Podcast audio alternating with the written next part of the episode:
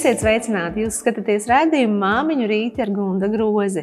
Šodien pie manis viesos mēdīju platformas jaunajiem vecākiem, mammai, mamām un tētiem vadītāja Inga Akmentiņa Smildziņa. Sveika! Sveika. Sveika! Un arī daudz bērnu māmiņa. Jā. Uh, Man te ir pirmais jautājums, tā kā mēs šodien vairāk runāsim par to, kā jaunajai mammai orientēties brīžiem tik ļoti pretrunīgajā informācijā. Un tev pirmais jautājums ir, kāds ir tavs pašas secinājums par to, kāds ir šis informatīvais piedāvājums jaunajām māmiņām? Nu, ja es tagad sāku atvērt vaļā vispār failus, grāmatas, mm -hmm. internetu, fórumus, pirmo reizi vispār mammas kurpēs, ja? kas mm -hmm. tur bieži vien ir šoks? Pretrunas. Un tur ir baigais juceklis. Un, Mhm. uh -huh. un, un tā nelaime ir tajā, ka juceklis nu, mums liekas, o, internetā viss kaut kas tur sarakstīts, bet es teiktu, ka juceklis ir arī grāmatās. Jo nu, arī pētījumi liecina, ka to grāmatu uztver kā tādu, nu, tur nu gan būs patiesība. Ja? Bet, uh, nu, diemžēl, mammas var apjukt arī. Arī latviešu valodā izdotajās grāmatās, kuras dažkārt nav pielāgotas Latvijas situācijai. Nu, piemēram, man pašai ir bijis tā, ka es atveru, domāju, o, mums varētu ielikt portālā kaut kādu gabalu no grāmatas, par ko mēs esam vienojušies ar izdevniecību. Un saprotu, ka, mm, mm, mm, ka vispār tādi medikamenti Latvijā netiek nu, piedāvāti mamām. Ja? Un, un tas, ir tāds, tas ir ļoti liels izaicinājums, es teiktu, mamām. Vispār orientēties, ja? saprast, mm -hmm. uz kuru pusi. Uh, un arī šie jautājumi bieži vien tiek uztverti ļoti emocionāli vispār sabiedrībā. Vakar, piemēram, es manīju, viss Twitter bija par maidzemdībām, mm -hmm. burbuļoja, jo viens ātrās palīdzības darbinieks bija nokomentējis, ka maidzemdības tas vispār ir ārprāts. Un tad viņš jau pēc dažām stundām raksta, ka, nu, ja jūs gribat uh, sabojāt sev dienu aptuveni, ja, tad sāk, pasakiet kaut ko skaļi par mājdzemdībām. Ja? Mm -hmm. Protams, ka tur bija dažādi viedokļi. Un kaut vai tas pats uh, izvēles jautājums, kur dzemdēt, kā dzemdēt, tas jau vien izraisa plašu uh, rezonanci, jo veidi ir dažādi, viedokļi ir dažādi. Viens teiks, ka uh, šis ir labākais, un arī no ekspertiem. Ja? Cits teiks, ka nekādā gadījumā tikai ne šo. Es pati atceros, mm -hmm. kā man uzdeva šos jautājumus, nu, kā tu dzemdēsi, nu, kurā vietā. Un, uh, es pat baidījos kaut ko skaļi pateikt, jā, lai nedzirdētu tos komentārus jā, pēc tam, vai tiešām, jā, jo tev jau tā izvēle nav tā, kā, ko aiziet pusdienās apēst. Jā. Tā ir diezgan nopietna izvēle, vai ne? Mm -hmm. nu, arī par šīm izvēlēm. Kā tu pati ieteiktu, kā mammai pieņemt šo lēmumu? Mm -hmm. Man ir trīs bērni, un divi no tiem ir dzimuši mājdzemdībās. Nu, lūk, jā. jā, un, un šis ir tas jautājums, kad nu, atkal vecais labais teiciens sācis nu, pats ar sevi savām mm -hmm. sajūtām. Jo to, protams, ir ļoti viegli pateikt. Jo, un, un, un sajust un atbildēt sev, nu, piemēram, ja izvēle ir par labu vienam konkrētam dzemdību namam, tad saprast, kas ir tie kriteriji. Bet patiešām uh, saprast, un, un, un ir tādi speciāli, kas saka, nu, beidziet, mamītus, tur lasīt, jūs tur par daudz salasījušās. Bet es esmu par to, ka, ka vecākiem ir jālasa, arī tētiem ir jālasa, arī tētiem ir jālasa par dzemdībām un dzemdību vietas izvēli. Un jālasa daudz, jo Un, un jāspēj pašam izsvērt tos, tos argumentus, nu, piemēram, tajā brīdī, kad kāda draudzene saka, oi, klausies, dzemdē tur, ja, tur jūrmalā ir perfekti, jā, perfekti. Tad nevis paļauties uz tādu pliku perfekti, bet uzreiz precizēt, ko, ko tas nozīmē perfekti. Un, lai uzskaita tos parametrus, kas tai mammai ir licies perfekti, ka visu laiku tur vecmāte varbūt skraidīja riņķi un, un ap, apčubināja, aprūpēja. Varbūt gluži otrādi, viņa vispār nenāca klāt un atstāja uh, vienatnē. Un, un tad tas vecāki var saprast, ko viņi vēlas, ka, ka viņiem nu, kā, liek mieru vai neliek mieru, un visu laiku ir drošība, tad tev kāds visu laiku tur roku un kaut ko skaidro. Un, Un tas var būt ļoti atšķirīgi divām pat ļoti labām draudzenēm vai māsām. Tā izpratne par to, kas ir laba, droša dzemdību vieta. Un, un ir arī, piemēram, ja runā par mājdzemdībām, tad ir nu, gluži tāpat, ja, ka viena saka, ārprāts, man nav tādas drosmes dzemdīb, dzemdēt mājās. Un, un nereti tās, kurām ir bijušas dzemdības, dzemdības mājās, saka, o, nē, man nav tādas drosmes tagad iet uz dzemdībām, jo es neesmu gatava varbūt tam, te, varbūt dažkārt bezpersoniski attieksmē, dažkārt pavir, paviršējai. Un, nu, tas ir tāds ļoti izsverams jautājums. Un, nu, noteikti mamma ir tā, kura pieņem to gala lēmumu, taču arī tētiem ir jāinteresējas. Nu, Pirmā ārvalstu dzemdību iestādēs ir jau mājaslapās ielikts, nu, piemēram, statistika. Cik dzemdības tur ir bijušas, kā tās ir atrisinājušās, cik ķēzaru, cik varbūt arī mirušo bērnu vai mirušo māmu, nu, procentuālais. Ja mēs nevaram pateikt, ka tur nomira viena un ārprāt šausmas, varbūt tur, tur desmit tūkstoši māmu dzemdē. Un, un tādus datus tētiem patīk dati, patīk statistika. Tos ir vērts analizēt un, un skatīties, kāpēc tā ir. Un, un iet, un skatīt, ja, piemēram, par mājdzemdībām, kādi tur ir uh, rādītāji. Un nevis teikt viens gadījums, bet viens gadījums uz kādu skaitu, ja, tā kā procentuāli skatīties un pieiet, nu, pieslēgt tādu mm, nevis tik vienmēr emocionālu kaut kādu pieejamību, bet, bet tādu racionālu.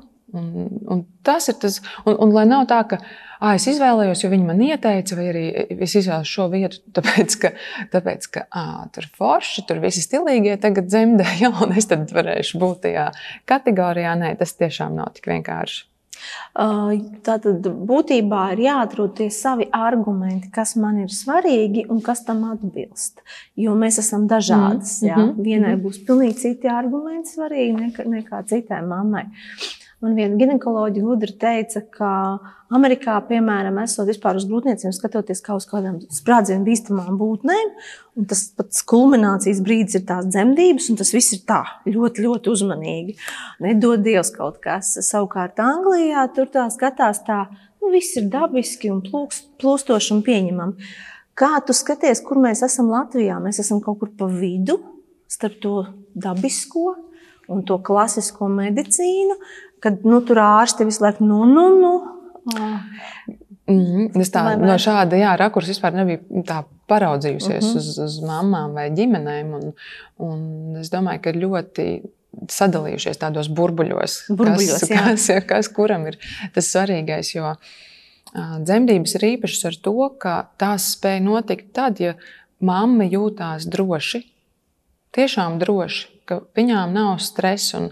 Un, tad, kad es mācījos par uh, dūlu, tad uh, vecmāte Dina Cepla stāstīja par to, ka mm, viņa saka, ziniet, kāds ir dabā, ka, ja, um, piemēram, stirnai jādzemdē, un viņa jau gatava dzemdībām, tās dzemdības sāk notikt, un tad pēkšņi parādās lauva, kuru tagad uzbruks un noskatīs viņu kā medījumu, tad tās dzemdības apstājas tas adrenalīns tik liels, ka viņš apstājas, un mamma skrien prom, viņa bēg, un tās dzemdības turpinās tad, kad viņa atkal atradusi drošo vietu. Ja? Līdz ar to tās dzemdības nevar notikt uh, skaisti, labi, ja tā nav tā drošā vieta. Un to ir ļoti būtiski atcerēties, ka, mm, nu, ka tā dzemdību vietas izvēle ir atkarīga nevis no tā, ko draudzene ieteica, vai kur varbūt mamma grib, vai varbūt vecmāte grib, vai vēl kaut kas, bet, bet tieši kur tu pati jūties labi. Un, un te, te īsti. Nu, protams, ka var palasīt komentārus, bet visefektīvāk ir aizbraukt uz, uz vietas, apskatīties, parunāties ar personālu, um, saprast, paskatīties, kādas ir tās dzemdību palātas vai telpas, vai nu, to visu informāciju, ko dzemdību iestāde ir gatava dot, to arī vajadzētu izskatīt. Justies droši, tas ir psiholoģiski droši, par ko agrāk vispār netika runāts. Galvenais, kad no, tiek nodrošināts kāds medicīniskais personāls, šī, šis psiholoģiskais, emocionālais aspekts, tas arī ir kaut kas jauns, par ko mēs runājam tikai nu, beidzamos gadus. Bet tas ir ārkārtīgi būtisks. Kā mm. tu mhm. komentē to, kā mamma pati jūtas? Nu, mammai, jā, tas ir tas jautājums, ko nu, visiem vajadzētu sev gan jau laiku pa laikam uzdot, kā es jūtos. Kā es jūtos šajā situācijā, šajā grūtniecībā, kas man uztrauc. Un, vai, vai arī tas attiecas arī, kā es jūtos šajā darbā vai šajās attiecībās. Un viens ir, protams, pajautāt, bet otrs ir godīgi sev atbildēt. Un, un reizēm ir ļoti bailīgi godīgi sev atbildēt un paskatīties pašai sev acīs par to, um, nu, kāda ir tā mana situācija un ko es ar to uh, varu darīt. Bet, um, tas jautājums ir ļoti būtisks arī no tā, ka, ka nu, piemēram, vecākas paudzes, kas ir mūsu māmas un varbūt arī vecmāmiņas, viņas visbiežāk nav piedzīvojušas tādu, nu, tādu nu, dzemdības kā skaistu pieredzi. Un, tāpēc dažkārt ir tā, ka tā jaunā mamma varbūt grib dalīties ar savu māmu, kā viņa ir gājusi dzemdībās, un cik, um, cik labi un, un skaisti, vai kādas viņa gribētu tās dzemdības. Un, un viņa nevar saņemt atbalstu tā, savā ziņā no tuvākā cilvēka, jo, jo tas tuvākais cilvēks nespēja īsti saprast, kas tas ir. Jo atmiņā ir palicis kā varbūt grūts, varbūt baiss, slikts dzīves notikums. Un, un, un nav izrēģēts, ja, izrunāts, izsāpēts. Uh, izraudāts ja, par to, cik tas ir bijis grūti, smagi, cik varbūt māma ir jutusies pamesta, viena, apjukusi. Jo tieši tā, tajos laikos par tādu, nu, tādu emocionālo komfortu un par dzemdībām kā ļoti skaistu un svarīgu dzīves pieredzi, nu, noteikti runāja maz. Un arī par, par to smago pieredzi nerunāja. Tas bija kaut kas tāds, kas jāpastumj mm -hmm malā, tiec galā vienkārši. Priecājies, ka tu izdzīvo. Jā, un uh, es, es neteiktu, ka mēs ar šo esam ļoti tālu tikuši. Uh, nu, ja tu pavēro, pavērot, ka mamma sarunājas, varbūt arī pašai ir gadies tā par, par dzemdību pieredzi. Nu, tā, tā aiziet ciemos pie jaunās mammas, un viņai piedzimis bērniņš, un visi tur apsveic sabučo, vai cik skaists bērniņš, un, un tad pajautā, kā tad gāja. Un reizēm ir tā, ka mamma ievelk elpu stāstīt, kā tad gāja, Un, un īsti viņi pat nevar pastāstīt, jo citas sanākušās māmas zina, kā man bija, un man bija tā, un es jutos tik slikti, un vēl tā, un vai arī es jutos tik, nu, es izdarīju tādu varoņu darbu. Un, un tas jau nav tāpēc, ka tās sanākušās mammas negrib zināt, kā gāja tai jaunajai mammai, bet, acīm redzot, viņām nav bijis kāds, kurš uzklausa, kā viņas ir jutušās. Varbūt nav bijis partneris, kurš spēj to klausīties un, un saprast tās emocijas. Ļoti dažādās, varbūt speciālists nav mm, pratis uzklausīt, un kad nav neviena, kurš būtu spējis pieņemt mammas ļoti dažādas emocijas, un nenosaucot, ah, nu, ko tu tur, ko tu tur multi tagad vispār, kas tev tagad ienāca prātā. Tev, tev, tev likās bērns nesmuks, ne, nu vispār kā tā var domāt. Ja? Bet Un, un, re, nu, par to psiholoģiju mēs runājam mūsdienās, un tomēr nemaz tik viegli nav tikt tālu uz priekšu ar šo.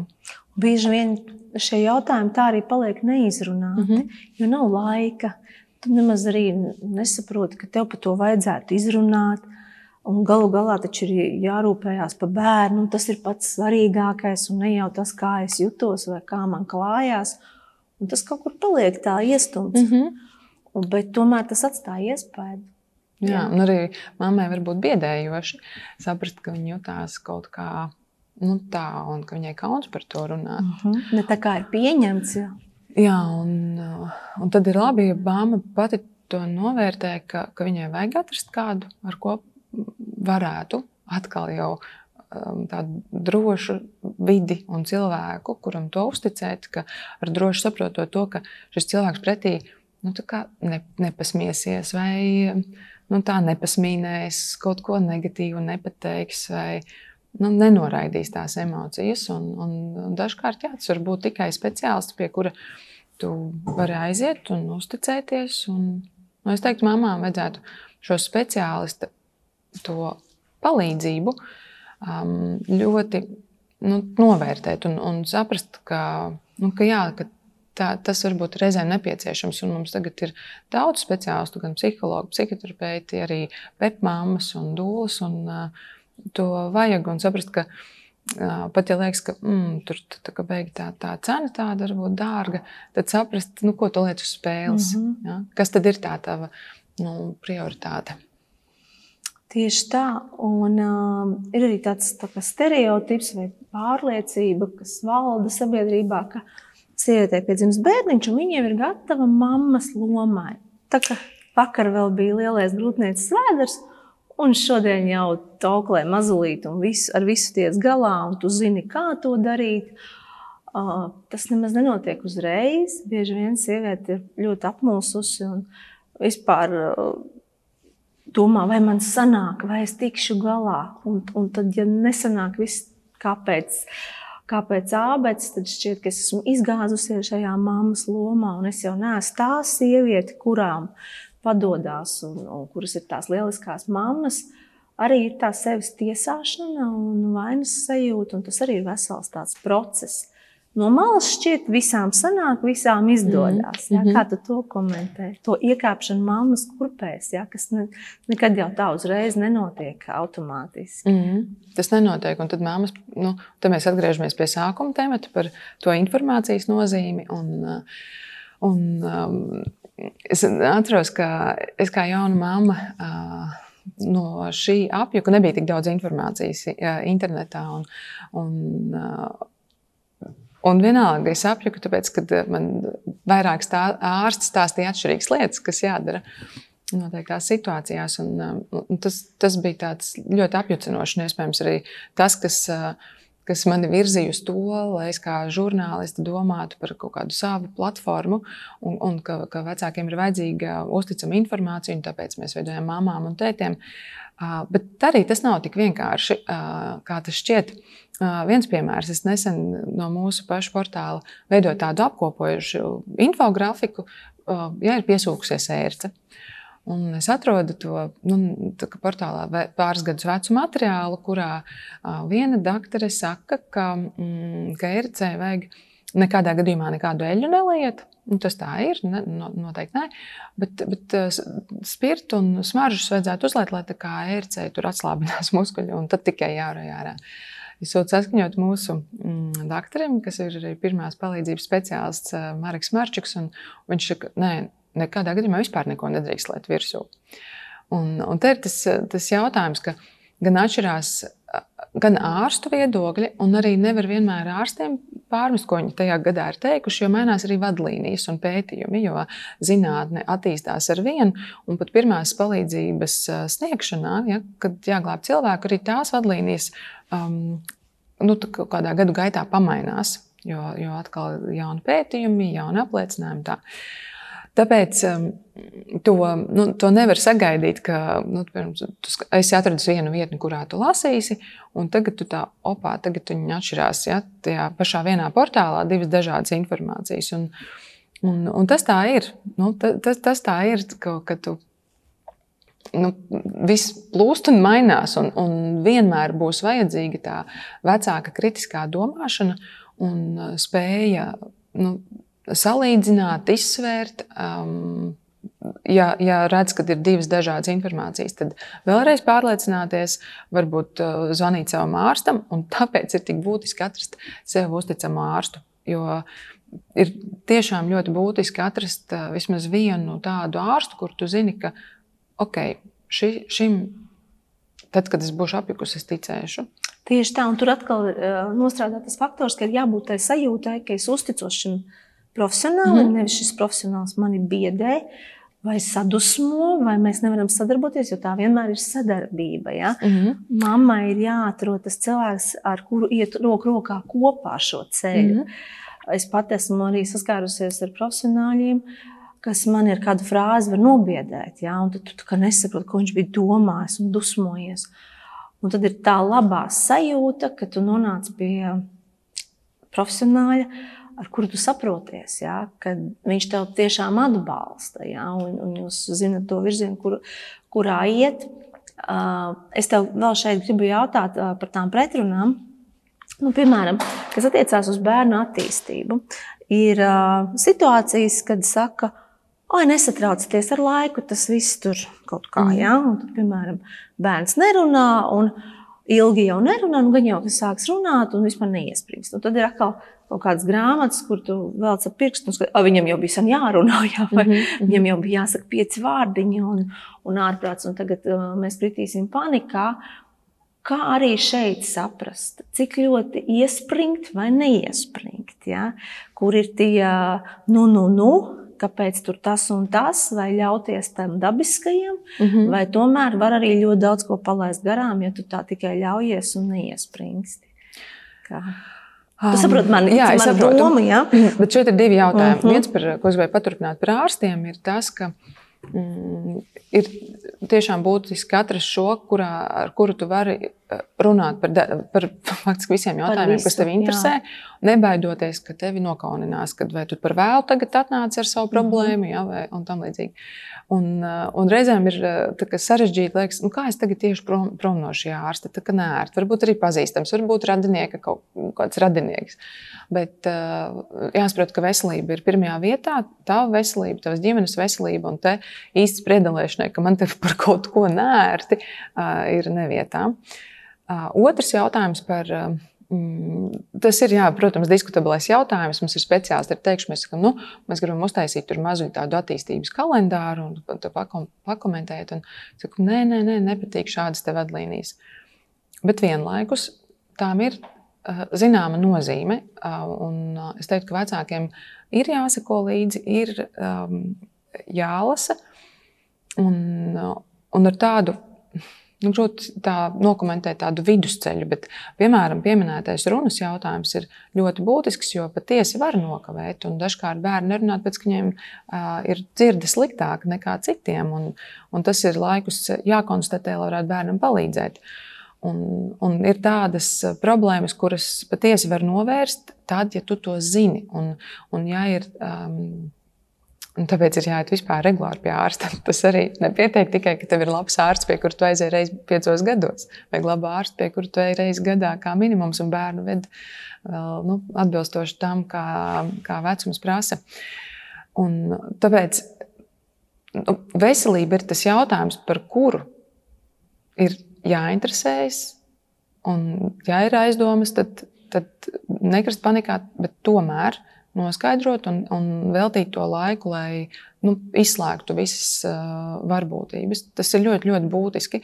Tāpēc pateikt, ka mm, mamītes nepārlasieties informāciju, mm, varbūt nav tas labākais ieteikums.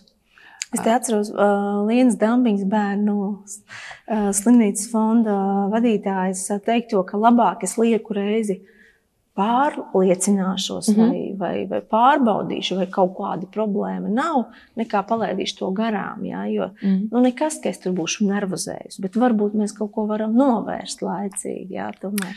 Un tad, kad mammai uznāk tāds, tāds, tāds milzīgs stress, ka viņi saprot, ka viņa varbūt darbojas ļoti haotiski un varbūt tur tagad mēģina pie visiem ārstiem pieteikties, vai nu, nu, ārkārtīgi liels nemieris. Un tad ir jautājums par to, kas ir tā mammas atbalsta persona, kura uzklausīs un, un to prātu nomierinās. Un, un tas ir tas, kas mammai sev ir jāpajautā, kura ir mana atbalsta persona un vai man tāda vispār ir, ar kuru es jūtos tā, ka mani nenosodīs par manām emocijām, par manu uh, nenormālo hausu galvā un, un, un neapsaugs, ka atkal tu te histēriķo, atkal te, te, te liekas jandāliņš, bet, bet ka, pie kuras tu vari aiziet un, un būt pats un justies atbalstīts, nevis atgrūsts un nosod, nosodīts un nesaprasts. Mm -hmm. Un visa informācija, tomēr arī tas, tas, tas kas caurstrāvo, ir bailes. Jo varbūt tādi riski, šādi riski. Ja tu izdarīsi tā, būs tāds risks. Un, un ja jau tā būtu tikai izvēle par gaumas jautājumu, tad mums tas viss tik ļoti neuztrauktu. Bet mums jau cauri tam visam laužas ārā tādas iekšējās bailes, jo tas saistās ar veselību, ar bērnu. Tu esi trīs bērnu mamma. Kā tu pati tiec galā ar bailēm? Tu taču zini, ka tas ir arī tīri praktiski. Jā, reizēm jā. ik pa laikam uzpeld kaut kas, vai tas ir normāli, vai tas nav normāli. Mm -hmm. ja, zin, kā, tad, kad man piedzima pirmais bērns, tad es, es ļoti spilgti atceros, ka es viņu turēju rokās, un tad cīram teicu, klausies, ko mēs esam izdarījuši. Tu saproti, ka tā ir atbildība līdz kapa malai. Ka kopš šī mirkļa mēs vienmēr uztrauksimies. Pilnīgi, pilnīgi vienmēr. Vienalga, cik bērnam būs gadi, vienalga, cik viņš būs liels un pastāvīgs, mēs vienmēr būsim um, zināmā satraukumā par to, kā klājas manam bērnam. Un, un līdz ar to, nu, tā, kā tu, nu, ko tu ar to vari iesākt, tu neko nevari iesākt. Tu vari priecāties par to, ka tu esi vecāks, ka tev ir um, dota šī iespēja būt kopā ar, ar taviem bērniem. Un, um, un, un meklēt tos veidus, kā šo laiku darīt um, foršu un brīnišķīgu, nevis pašiem to sačakarēt, ja, piedod. Mm -hmm. un, un dažkārt vecāki patiešām nu, kaut kādā savā, vai nu lielā tādā pārmērīgā haosā, vai gluži otrādi, tādā atsevišķinātībā, mm, to sabojā. Netiek šis laiks piepildīts tik vērtīgi, kā varētu. Jā, un, un zin, ar to piepildījumu arī tas jautājums ir tāds, ka šeit gan reizēm vecāki pārprot, ka viņiem liekas, ka tagad vajag, un man pašai tā ir bijis, man liekas, oh, visi tur kaut kur iet uz kaut kādām brauc, tur kur uz, uz muzejiem un uz ceļojumiem, un, un viņi uz, uz, tādu tur ceļojumu bijuši, un tādu kūrortu, un tādā kalnā uzkāpuši, un mēs tikai te sēžam un uz laukiem saviem braucam. Un, um, un atcerēties to, ka tur tiešām vajag pārspīlēt, jo tā kopā būšana mm, un, un tas foršums no kopā būšanas neslēpjas tajā, cik smalkā kurortā tu apmetīsies, bet tajā, cik būs patiesas jūsu sarunas, cik nu, tāda atklāta, tuva un, un vienkārša nu, tāda kopā būšana var būt. Un tur nav vajadzīgs nu, tāds nekas, un reizēm vecākiem to pieņemt un saprast, ka visu tādu emociju buķeti, visu to skaisto var piedzīvot, neaizbraucot tieši nekur. Ja? Bet vienkārši esot kopā ar, ar savu ģimeni un saviem bērniem. Un īstenībā bērni arī ļoti labi parāda to, ka priekam vajag ļoti maz. Mm -hmm. Mums jau pieaugušiem šķiet, ka nu, tā latiņa ir augsta. Bet bērns var priecāties, ja ir mamma un ir tētis, un mēs kaut ko cepam, mm -hmm. pankūkas, vai mēs kaut kur dodamies, un ir saplaukušas lapas un puķis. Un, un bērns atgādina par to, ka dzīve ir skaista vienkārši par to, kāda tā ir. Ka tur nav vajadzīgi kaut kādi priekšnosacījumi. Kas tev pašai dod šo sajūtu, ka es esmu laimīga mamma? Tajā vienkāršajā ikdienā. Man, nu, kas man dod sajūtu? Man dod vispār ģimenes sarunas Tas noteikti ir tas, ka, ka arī pusauģi atnāk un apsēž, un viņi var dalīties tajā, ko viņi ir piedzīvojuši, vai ko viņi pārdzīvo, vai par ko viņi sapņo. Es to ļoti, ļoti novērtēju. Un, un, um, man jāsaka, ka es kaut kā esmu iemācījusies tā, ka um, nu, neteikt, ka tur ai, man tam nav laika, tam nav laika, un tam nav laika. Es saprotu, ka laika ir atliku likām. Jautājums ir par tādām prioritātēm un uztveršanu to, ka nu, tas, kas mums viss tas foršais ir, tas, eh, tas ir patiešām jānovērtē. Nu, nevis jānovērtē, es, viņu patiešām esmu iemācījusies katru dienu novērtēt. Paskatīties saviem bērniem, cik viņi ir forši uz savu vīru, cik viņš ir foršs. Un, un, eh, un, un to, to mirkli turēt, jo tas, tā, tas nav pašsaprotamas lietas. Tās Tieši ir jāsargā. Tā. Tieši tā. Paldies par šo brīnišķīgo sarunu. Mums vēl būs trīs mazie jautājumi no auditorijas, bet tagad uh, konkurss uh, skatītājiem ar iespēju laimēt manu jauno grāmatu, Dimantavā pagalmā, otro grāmatu. Un jautājums ir saistībā ar jauno vecāku platformu mamām un tētiem. Uh, cik ilgi pastāv šis mēdījis, un uh, savu atbildžu variantu sūtiet uz Akropolis sociālo tīklu kontiem vai nu Instagram vai Facebook. Vienkārši kā vēstulīt. Un pirmais, kas pareizi atbildēs, saņems šo grāmatu iedvesmai. Uh, Inga, man te trīs jautājumi no auditorijas. Kā vērtēt to, ka ekspertēze vien vairāk parādās reklāmās, vai tas ir pieņemami? Jā, interesants jautājums. Eksperta? Eksperta, nu, piemēram, zobārsts. Ah. Fu, vai vai pēdējais autiņu biksīša reklāmā. Jā. Um, nu, tāds, diskutabls tas, tas ir diskutabls jautājums, mm -hmm. jo, jo tas ir vērtējums no tā, protams, gribētos cerēt, ka tas tas eksperts, kurš parādās reklāmā, ka viņš izvērtē to, ko viņš reklamē, ka pieiet ļoti atbildīgi un nevis, nevis o, man tur labi samaksās. Mm -hmm. Un mums ir bijuši eksperti, kas. Nu, mēs arī esam ieteikuši saviem sadarbības partneriem noteiktus ekspertus, lai viņi lai viņi kļūst un veido sadarbību un parādās šajās reklāmās, zinot, ka tas zīmols ir ļoti nu, labs un uzticams, un ka tas eksperts ir kolosāls. Ja? Mm -hmm. Līdz ar to nu, jā, mēs ar ģimeni paši esam, no, es ar bērniem konkrēti, ir arī bērniem eksperti, un mēs arī parādāmies noteiktās reklāmās. Ja? Bet, tas, Nu, tas ir, bet ir kaut kāda noteikta preču kategorija vai pakalpojumu kategorija, kur reklāmās mēs nekad neparādīsimies. Mm -hmm. Reizēm tā var būt skaista satikšanās. Mm -hmm. Satiekās kvalitāte ar, ar citu labu kvalitāti, bet, nu, protams, tas ir vienmēr mm -hmm. sirdsapziņas jautājums. Jā. Tavs viedoklis par Latvijas bērnu dārziem, cik lielā mērā tie ir atbilstoši un piemēroti labai bērnu attīstībai? Arī diskutabls jautājums, jo nav divi vienādi bērnu dārzi. Ja? Jā, jā. Bet tā izglītība kā tāda mūsu organizāciju satrauc. Mēs raizējamies par to, ka, ka, ka nav tā, ka visi bērnu dārzi ir labi. Un, un ka ne visas skolas ir labas, un ka ir daudzas tādas, kurās, nu, diemžēl, nu, nenotiek tik tik labi viss, kā mēs gribētos. Un jo īpaši par to, ka bērns nejūtās tur emocionāli labi. Un, un ir, nu, mēs zinām, ka Latvijā ir nu, ārprātā augsts rādītāji attiecībā uz mobbingu. Un tas ir satraucoši, jo tas mobbings ir ne tikai nu, bērnu vidū, dažkārt pats pedagogs nodarbojas mobbingu pret bērniem. Un tas ir tas lielais neatrisinātais jautājums, ko teiktu, ministrijām ir ar steigu jārisina.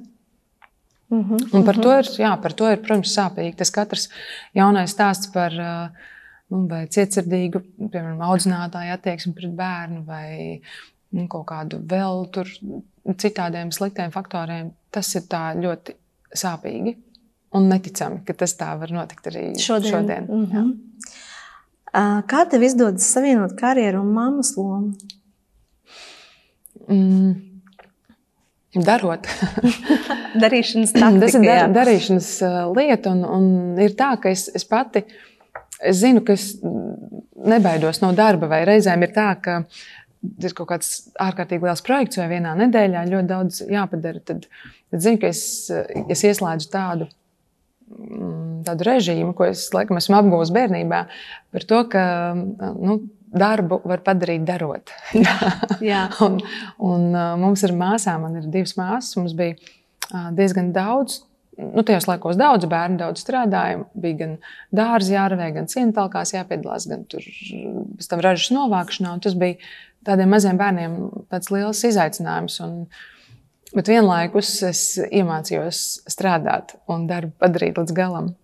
Un, un tas attiecas arī uz šo darbu un ģimenes dzīvi, ka mm, nu, tad kaut kādas lietas, nu, kas darbā ir jāpadara, es viņas iemācījos padarīt, piemēram, ceļos agrāk. Un, un arī nesūdzēties par to, jo tā ir vienmēr mana izvēle. Un tajā pašā laikā vienmēr es paturu prātā, ka ģimene ir mana prioritāte. Un arī, ja es kādus darbus vai papildus darbus paņemu, tad es zinu, nu, kāpēc es to daru. Ja? Un visticamāk, tas saistīts ar ģimeni. Mm -hmm. Inga, paldies tev par sarunu un liels, liels paldies par to, ko tu dari ikdienā. Tas ir milzīgs atbalsts jaunajiem vecākiem, lai jums veicās arī turpmāk. Paldies! Un teikšu tev paldies arī ar mūsu atbalstītāju iepirkšanās centru Akropola Rīga un Akropola Alfa dāvanu karti. Varēs izmantot uzreiz no, savam vasaras shoppingam.